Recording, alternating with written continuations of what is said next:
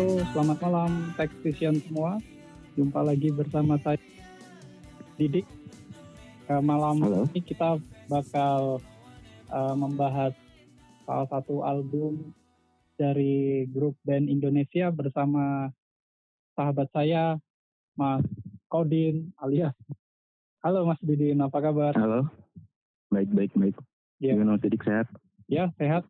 Kesibukannya apa nih Mas selama uh, COVID-19 jadi pandemi? Nah. Apa ini apa? Masih review makanan juga? Enggak. Oke. Eh, Gimana Mas Didik? malam ini kita mau bahas apa nih Mas? Kayak kita malam ini mau bahas band Indonesia nomor satu dua nih, Oh, Polyester Embassy. ya. Polyester Embassy.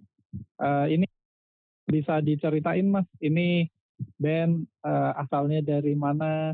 Terus sepak terjang mereka di scene seperti apa? Oh, ini bandnya dari Bandung. Terbentuknya di Bandung. Hampir semuanya orang Bandung, kecuali kayaknya basisnya eh, dari Jakarta, cuman kuliah juga di Bandung. Ya, mereka ngeband terus eh, ketemunya di Bandung eh ngerekam apa namanya lagu ciptaan-ciptaannya sendiri terus eh, mereka akhirnya direkrut sama si Fast Forward Fast Forward Record yang satu label sama dulu yang terkenal kan Moka sama Desi gitu yang gitu.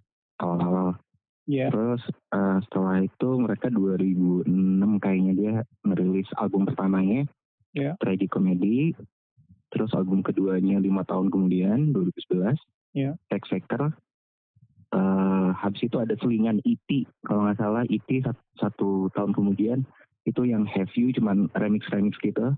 Ya, jadi setiap eh, personilnya bikin remix terus dijadiin EP ya. kemudian rilis lagi tuh EP lah ya. Ini since, since tomorrow tuh 2000 berapa ya 2017 2017 ya. Nah, si Polyester sampai Embassy kemarin cuman rilis single aja sih baru single Parak sama kayaknya mau keluar album yang tiga nih Nah, berarti eh, sejauh ini Polyester Embassy eh, sudah meng- dua full album ya, Mas ya? Ah. baru full albumnya dua kayaknya kalau EP ada dua atau tiga mungkin ada juga yang nggak dirilis. Iya. Nah, eh, per- awal perket eh, Didin dengan Polyester Embassy itu seperti apa sih? Pertama dengar kapan, di mana gitu, masih inget nggak? Mengikuti oh band ini, iya. eh dulu ini ya sih maksudnya dulu masih zamannya MySpace itu Iya. 2007-an ya? 2005? Lupa. Nah, ada sedikit nih. Ya. Kalau kita ngeklik di sedikit tuh kan ada kadang yang oh ini di sedikit follow siapa ya atau di sedikit ini siapa ya? Temenan sama siapa ya? Mutualnya siapa? Itu kan kan kita kayak ngetres ya jadi kayak internet itu memudahkan kita. Ya, biasanya di Jakarta tuh.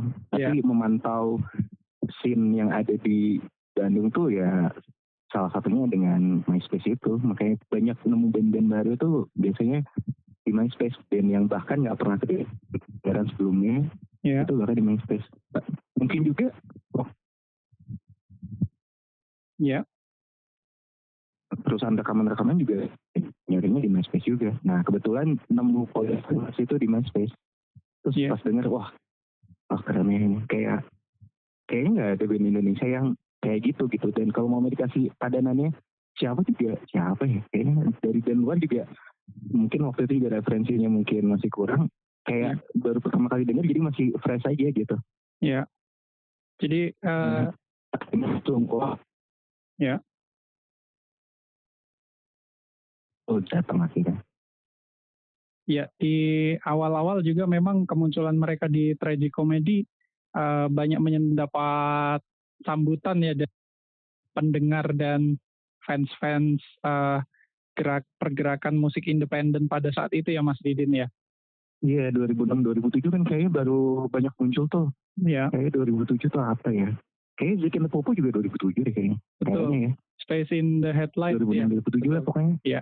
Terus band-band Jakarta juga sini di Jakarta juga kayaknya 2006 2007 tuh lagi maju-majunya kayaknya bareng deh. Bandung maju, Fast Forward, Jakarta Aksara Records itu kan.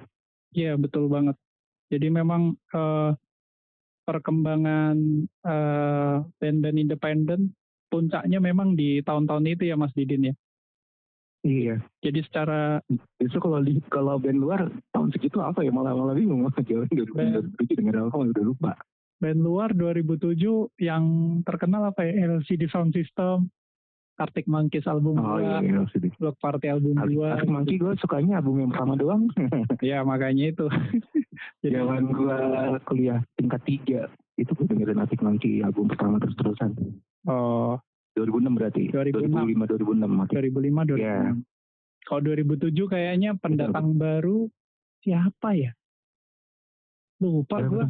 Nggak ada sih. Kayaknya musisi Tapi, kalau band Indonesia tuh kayaknya waktu itu lagi in ini Iya. makanya itu suka banget sama band Indonesia waktu itu akhirnya explore band Indonesia malah Iya, jadi memang eh, waktu itu bahkan scene Bandung Jakarta itu bisa nembus eh, Sulawesi. Aku saya dulu di Sulawesi juga akhirnya dapat akses ya? Akses Jakarta. kalau nggak salah Sulawesi itu gara-gara clothing ini chamber chamber Betul, iya. Jadi kemunculan Ardi chamber kalau nggak salah kalau nggak salah ya Ardi chamber yang sedang undang-undang benar. Jadi eh, dari Chambers salah satunya si Ardi memang banyak ngasih referensi sih. Jadi Hmm. clothing company-nya dia atau dulu populer juga distro ya.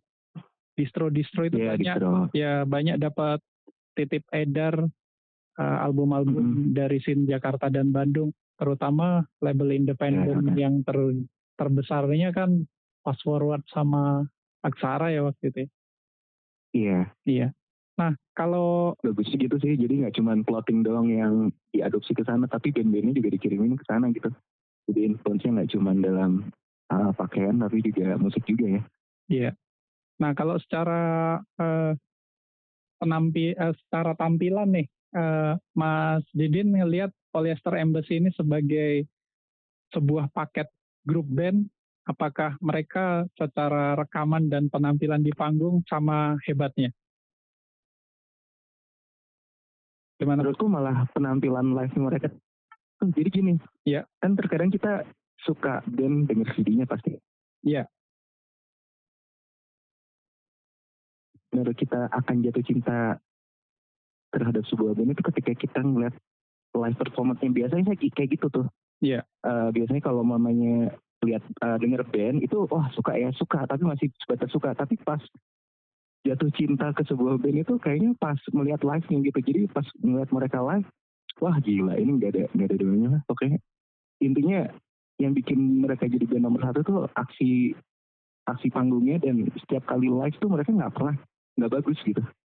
Iya. dan titik di mana gue jatuh cinta sama band ini tuh sebenarnya pas mereka rilis album kedua Ya, itu kan Fact Faker kan Big Factor. ini album yang nanti kita akan bahas juga album yang menurut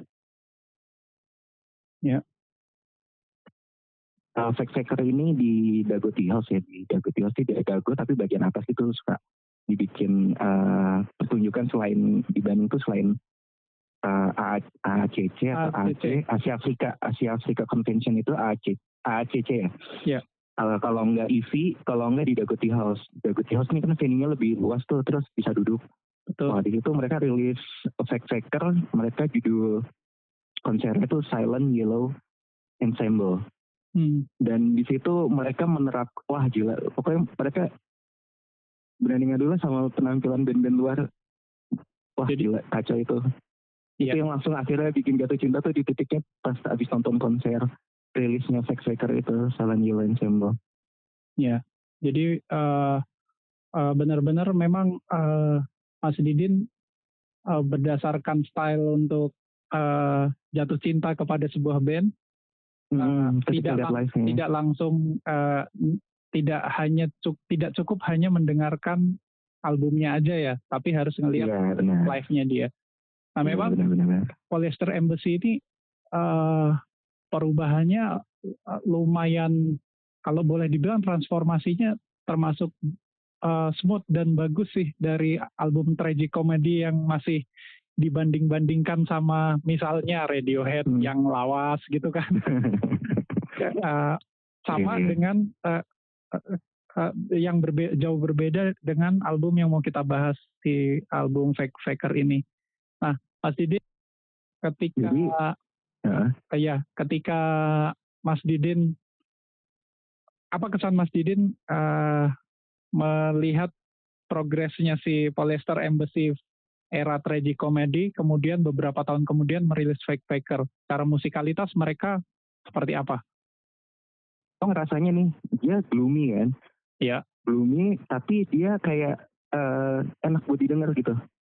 Gampang gitu, masuk lumurnya tuh gampang.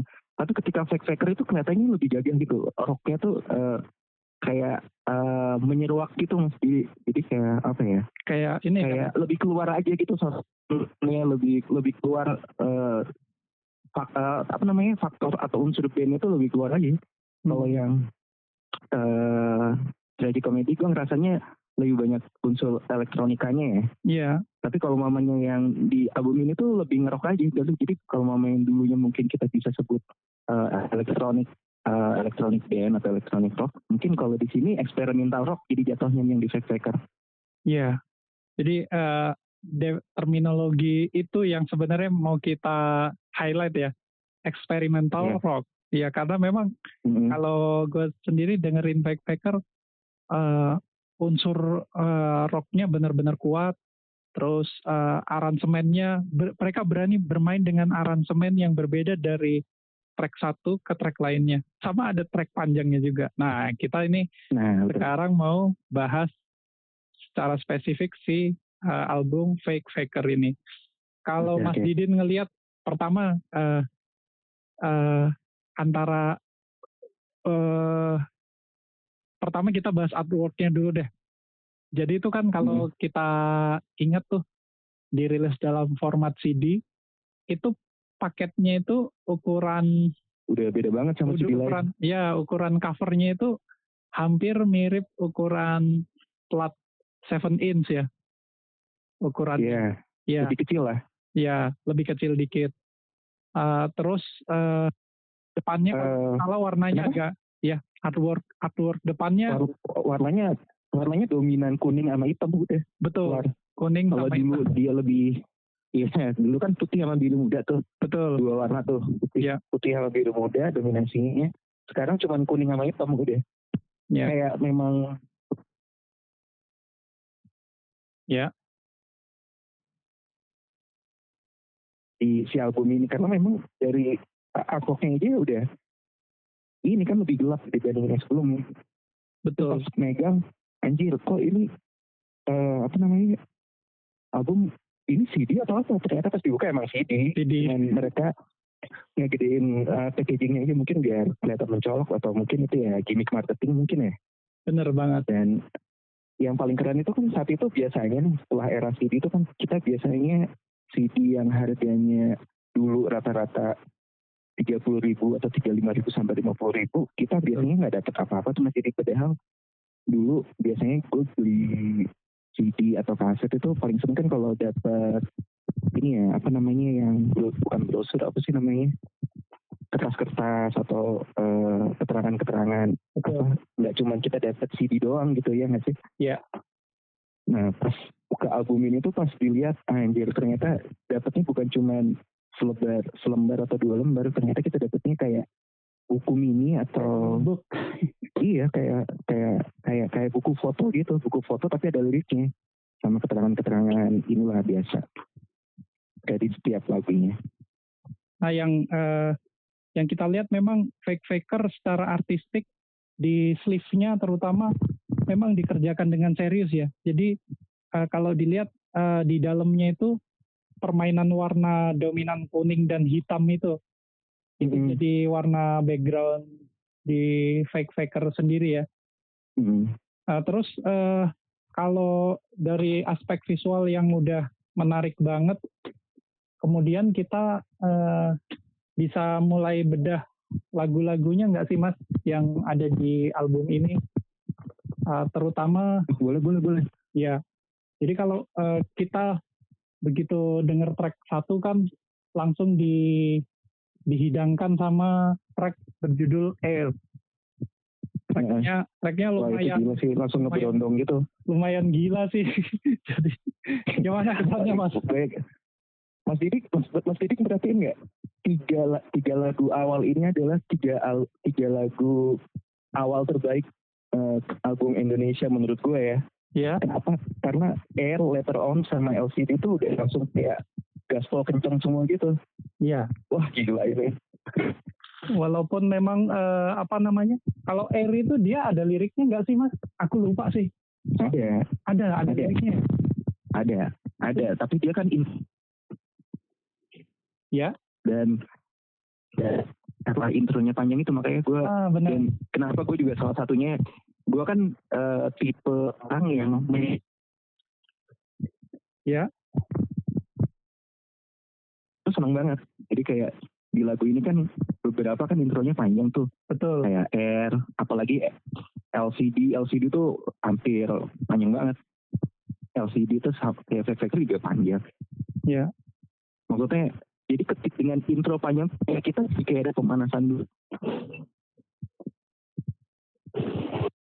langsung ada liriknya tuh langsung kayak ah kayak masih masih belum ini belum panas tapi udah masuk lirik. Jadi gue paling seneng kalau ada lagu yang liriknya panjang. Eh apa liriknya panjang? So, liriknya panjang. intronya panjang Intro. dan keren gitu. Nah. Kan dia begitu. Si R ini kan begitu masuk langsung kayak diberondong itu kan bahasanya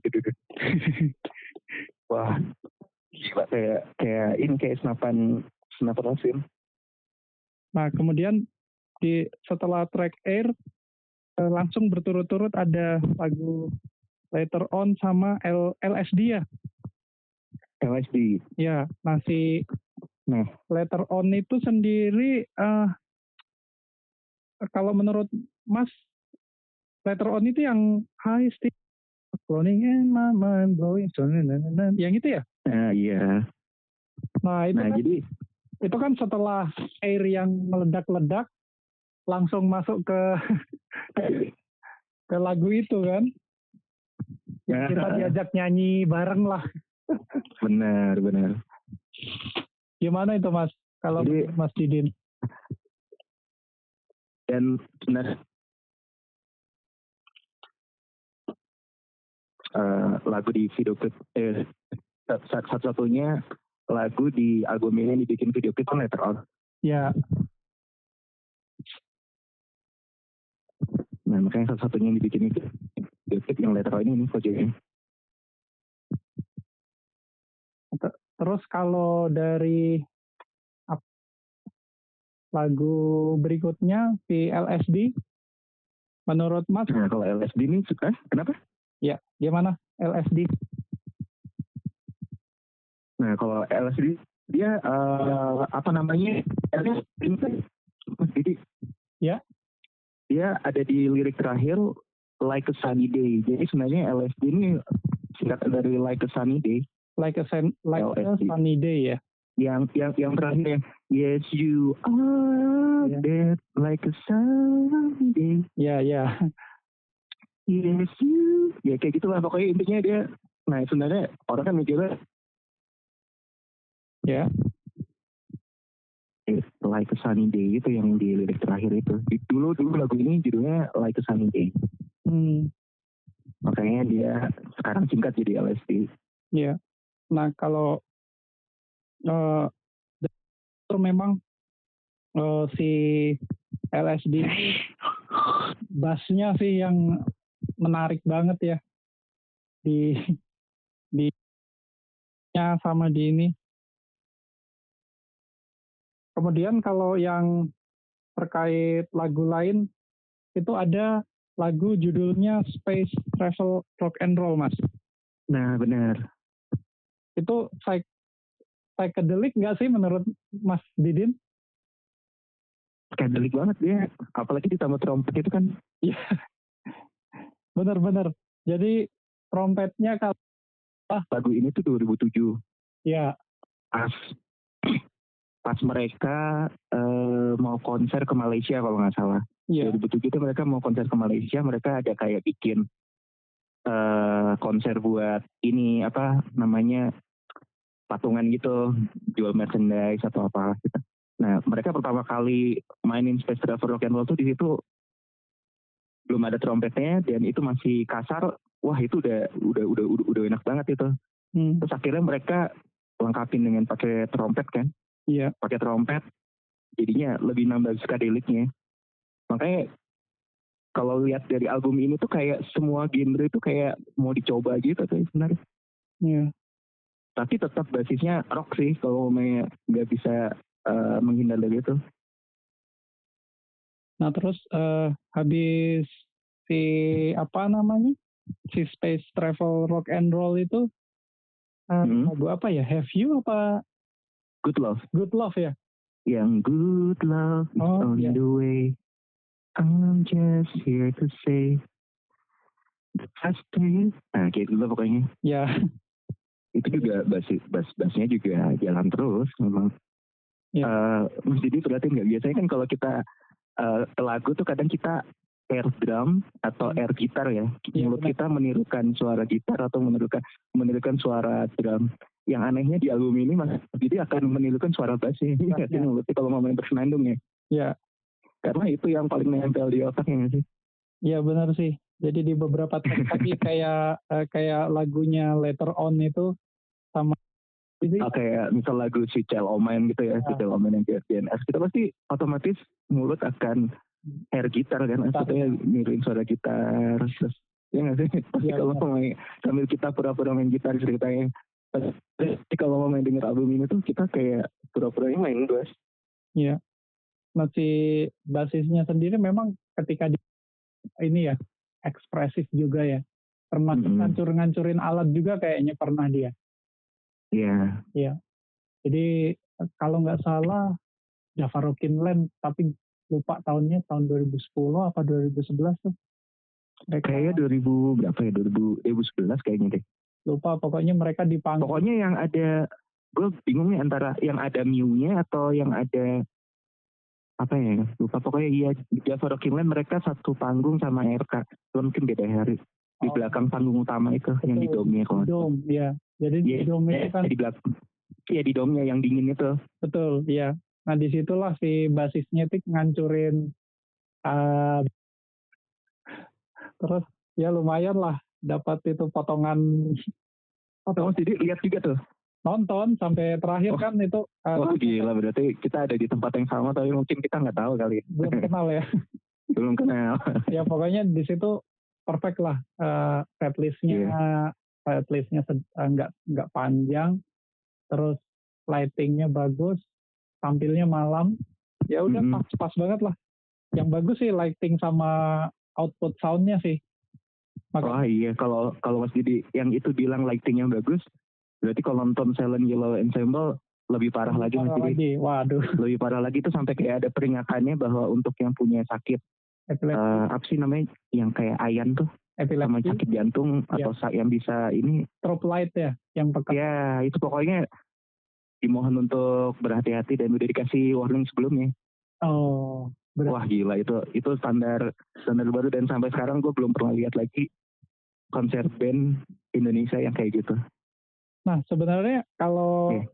kalau Mas Didin lihat produksinya yang memang eh, digarap dengan serius, eh, tampilan mereka yang alat-alatnya juga ini ya lumayan Wah, alatnya ribet tuh kayaknya ribet. banyak banget Nah, apakah dan satu orang tuh gimana?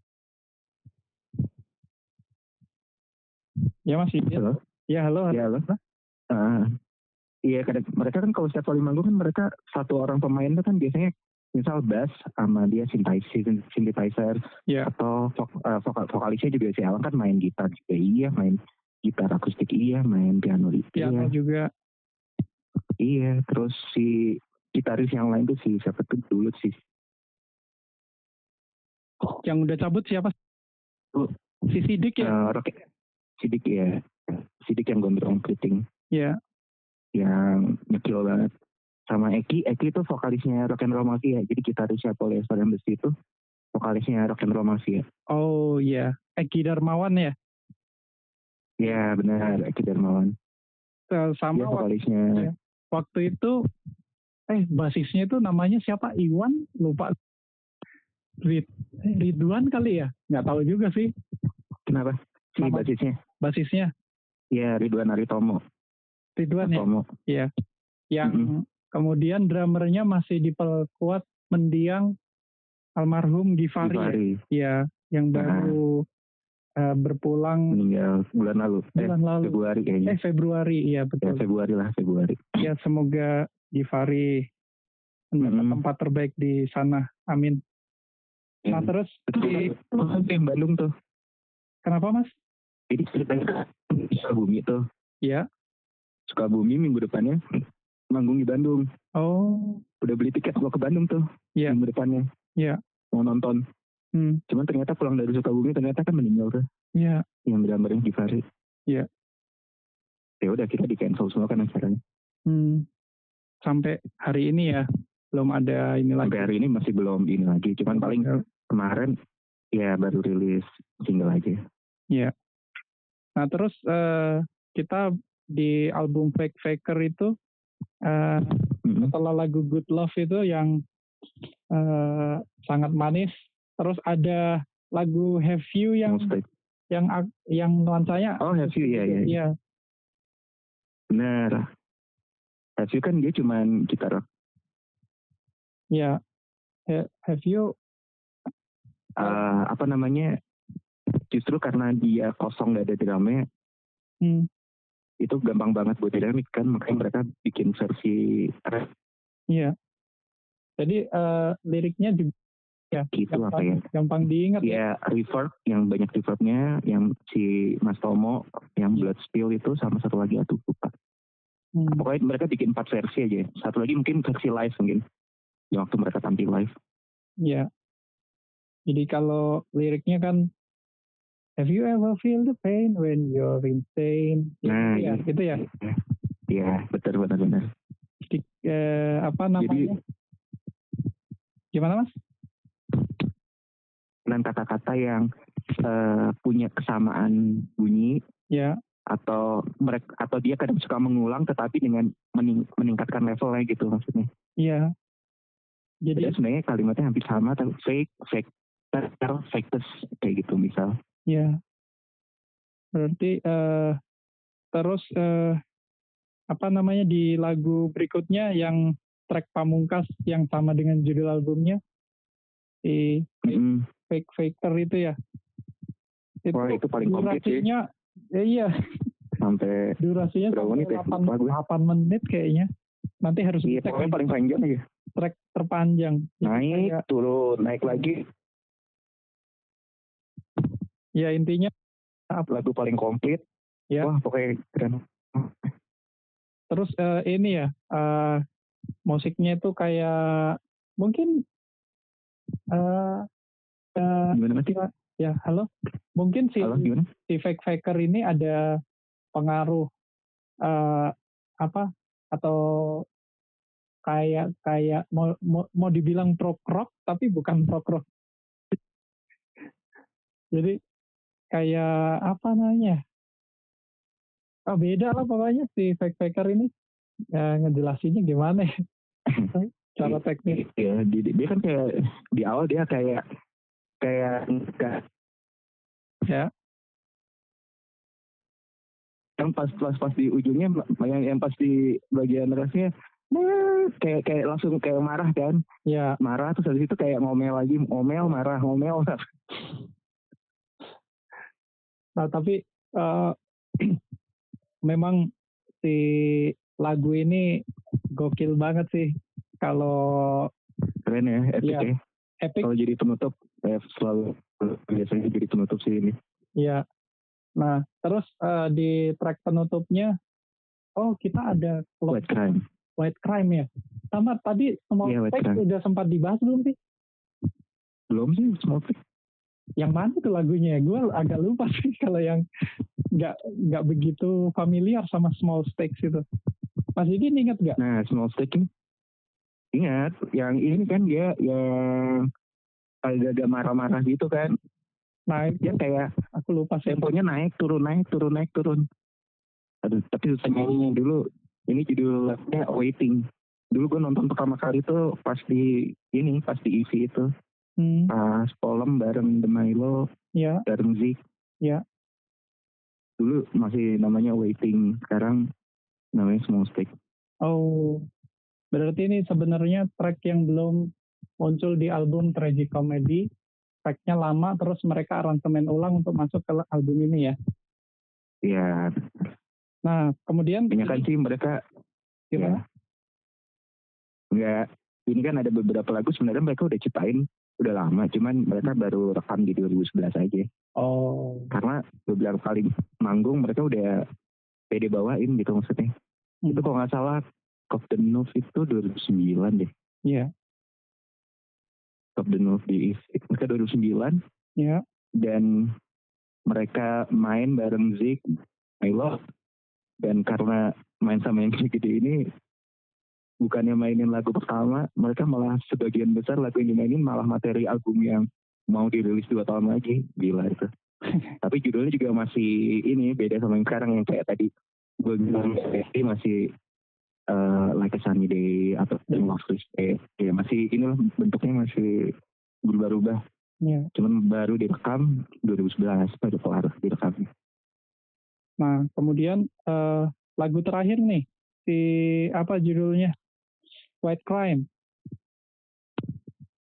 Menurut Mas ini eh, menjadi track yang layak men- untuk menutup album ini nggak? oh kalau masih dibilang kayak gitu salah tuh Salah ya? karena Ya. ini dia kan eh, bikinannya si Elang nih Iya.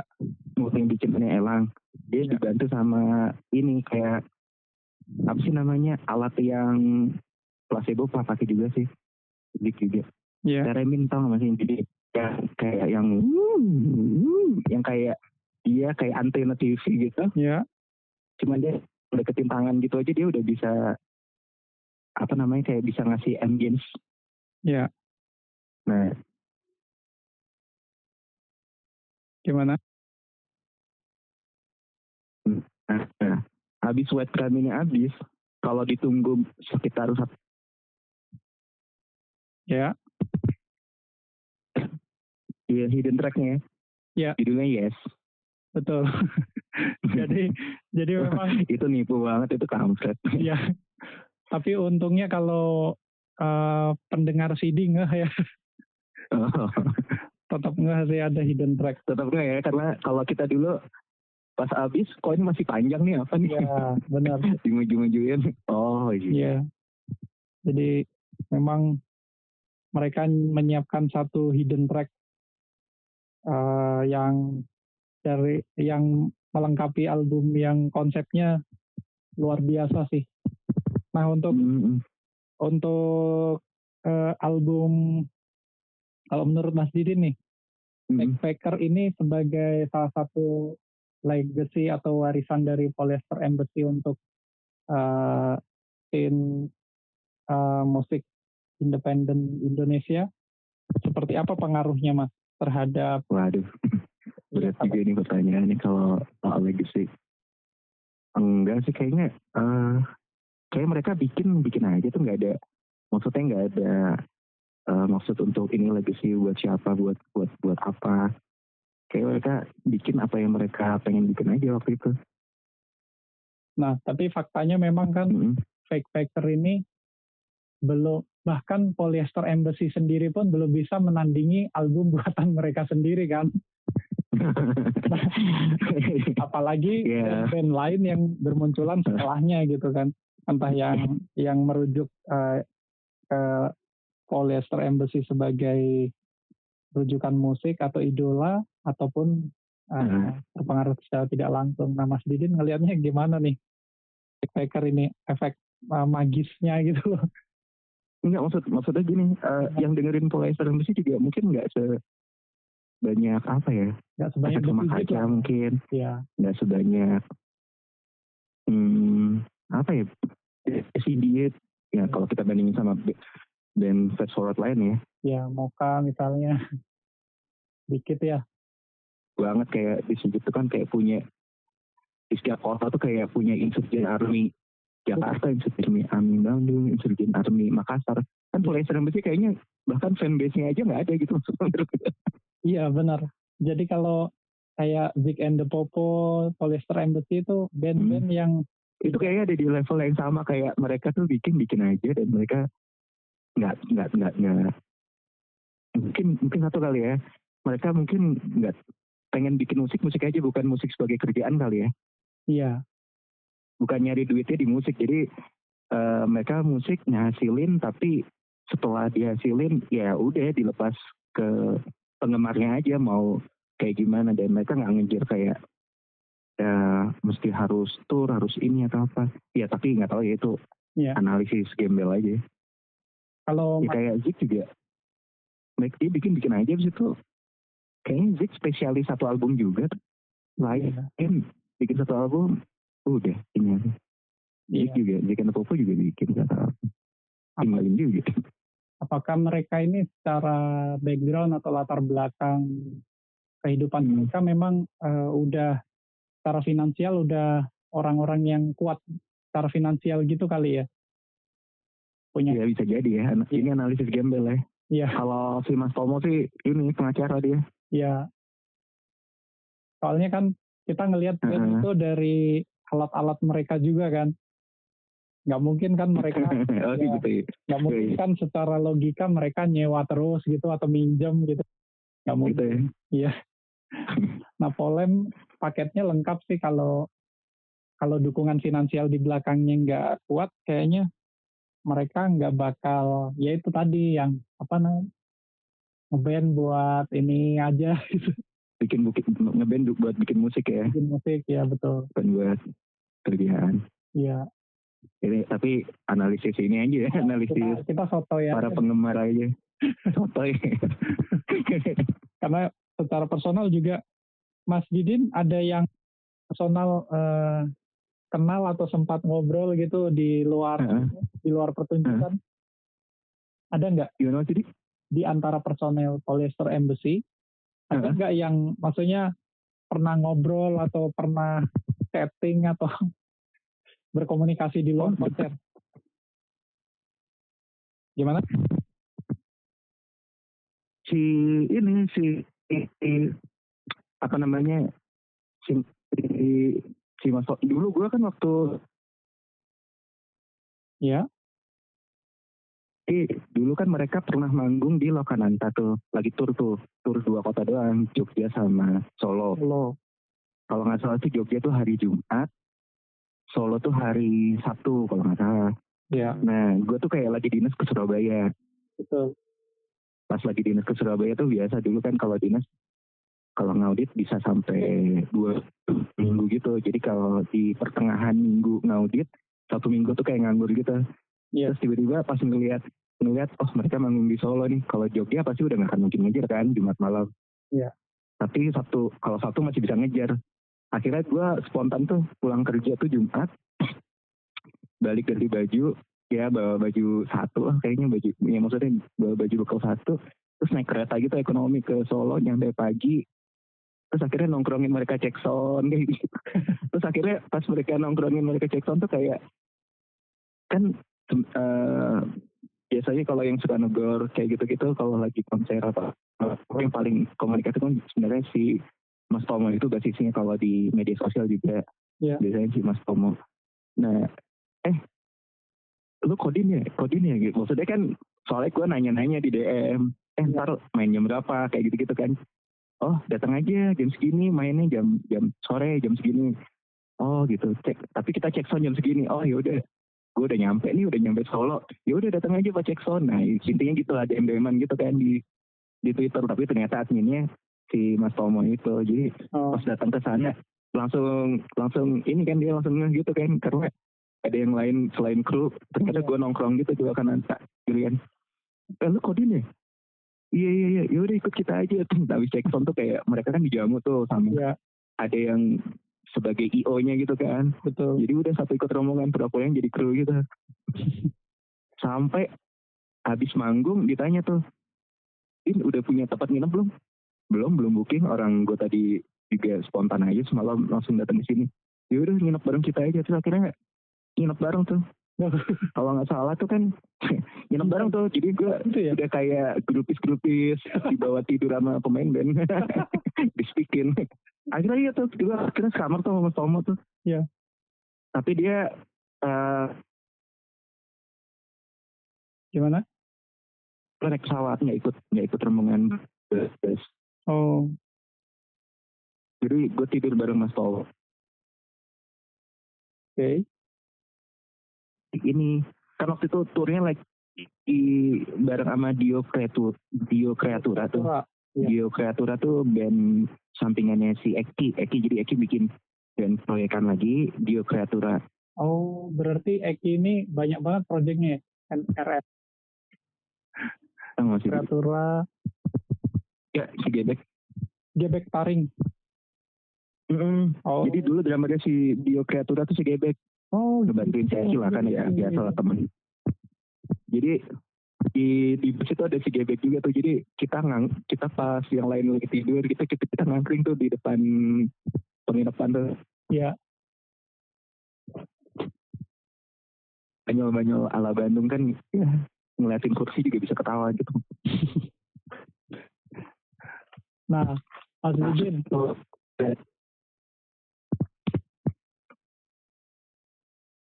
Nah itu pokoknya kalau apa namanya anak anak Bandung kalau bercanda kan nggak nyambung tapi sebenarnya lucu gitu kalau nggak ngerti. Kayak gitu jadi akhirnya deket sama si Mas Tomo itu. Ya nah deket gimana tapi ya karena itu pernah ketemu itu doang. oke. Terus eh, ini, fake faker kalau Mas Didin disuruh ngasih nilai bintang 1 sampai bintang 5 dikasih berapa? Wah ya apa ya empat setengah kali ya. Empat setengah ya. Kekuatannya tadi ya. The Beatles. Terus eh, ini apa namanya?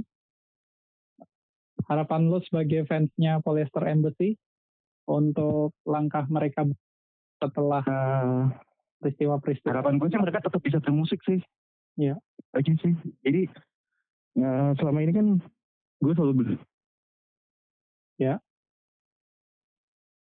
Dan bisa beli rilisan fisiknya aja, beli merchnya aja kan kita berharap apresiasi apresiasi dari kita tuh dengan membeli fisiknya, Iya. merch yang dirilis. Itu kan mereka jadi semangat bikin musik tuh. Iya.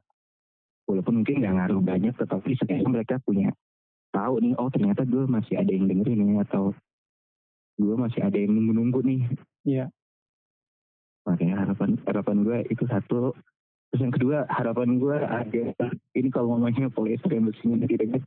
Harapan gue cuma saat baru ini nih konser yang Silent Yellow Ensemble itu dirilis DVD-nya. Lagi ya. Oh, di Wah gila itu udah 10 Gila itu dari 2011 belum dirilis-rilis. Kalau masih di penasaran ada tuh dibikin difference eh Silent Yellow Ensemble trailer eh teaser kalau nggak salah. teaser ya. Dikasih teaser doang sama Iya. Oh, Oh itu udah dia kerja gitu. Oh gila lah. ya nah, Makanya gue nunggu-nunggu DVD itu.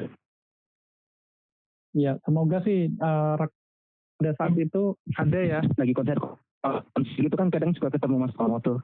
Iya. Gue selalu nagih.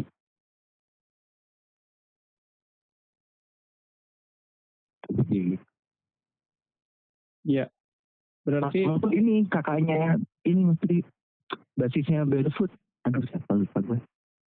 aku tahu Kan yang cowok, kalau yang kita ditodong. Kalau yang cowok tuh aduh kalau gitarisnya Dito. itu kan. Basisnya itu adiknya dia. Jadi satu Oh. keluarga dua-duanya jadi basik. Oh, Perawakan sama kan. yang adik siapa? Si yang basisnya. adiknya itu lah, yang Barefoot itu. Oh, Mas Tomo oke. kakaknya. Iya iya iya. Itu Berarti satu keluarga tuh. berarti pengetahuan baru tuh Kenapa tuh?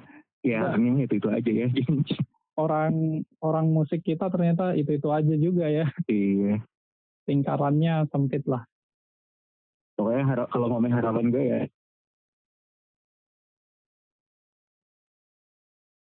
Konsernya segera dirilis. Itu nggak tahu deh. saat yang paling tepat untuk ngerilis sih tahun depan. Harusnya Pas ya, 10 tahun. pas 10 tahun ya. 10 tahun 10 tahun. kalian bikin 10 tahun gak jatuh cinta. Kalian bikin konser perilisannya gitu ya. Secret gig gitu ya. Mm-mm. Oke. Nah, eh, buat eh, pendengar Taxicast ada ada pesan nggak atau rekomendasi bagaimana cara eh, eh, bagi pemula untuk me- mengenal polyester embassy? Ada track rekomendasi nggak? Waduh, apa ya? Jadi kalau misalnya nih, Kayaknya misalnya Kayak aku nih, misalnya aku nih kan kemarin di Twitter di Twitter sering ini nih ya. Kayak kemarin lagi kayaknya kemarin lagi lagi musim eh, empat album yang zero skip itu for album zero skip iya iya betul, ada ada. itu kayaknya salah satunya Fake Faker Oh gitu. jadi nggak bisa nggak bisa di skip nggak bisa satu jadi nggak bisa ca- cara cara dengerin lagu apa nggak bisa Nggak bisa.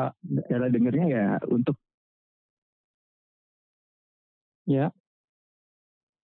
jadi itu salah satu dari empat album yang jangan di skip deh Berarti Mas Didin ke teman-teman pendengar Taxicast juga langsung merekomendasikan langsung aja deh albu- satu album. iya langsung aja dengerin Iya, langsung aja dengerin ini cuma 40 menitan kok nggak nggak lah benar. amat kan sambil ya nggak usah serius-serius banget nanti kalau ada yang nyantol kan wih apa nih gitu Iya. cuman ya itu magic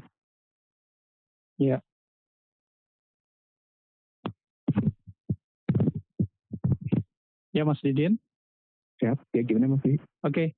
eh, berarti tadi eh, pembahasan kita tentang Polyester Embassy dari awal sejarah mereka ngeband, kemudian album-album, termasuk Hmm, Fake Faker udah kita bahas tuntas ya. udah. Nah, berarti edisi obrolan tentang album kali ini Polyester Embassy, Fake Faker, rilisan Sex World udah selesai. Nanti mungkin Ya. di sesi lain kita bahas lagi album Indonesia yang canggih-canggih ya. Dan Wah, album Korea nggak boleh nih. nanti gue tadinya waktu Mas Didik nelfon kemarin, Yuko. Didik mau review album apa ya? Gue cuma kepikiran satu sih, album Korea. Albumnya Hipko. Iya. Makanya aku ini aku belokin dulu ke Indonesia. Karena tahu jawabannya kayaknya Ya, oke. bakal bahas Yuko ini. ya, kayaknya kalau bahas album juga masih Oke, banyak Didik. ya. Thank Oke. you udah diundang. Ya, terima kasih Mas Didin. Selamat beristirahat. Maaf ganggu nih istirahatnya. ya. Eh, Oke, teman-teman Taxation. Eh, itu masa- ya, selamat beristirahat Mas Didin. Siap, siap, Nah, siap. Oke. Mas Didik, sehat-sehat, iya. Oke, oke teman-teman Taxation itu tadi obrolan kami berdua. Saya Didik, saya Didik dan rekan saya Didik.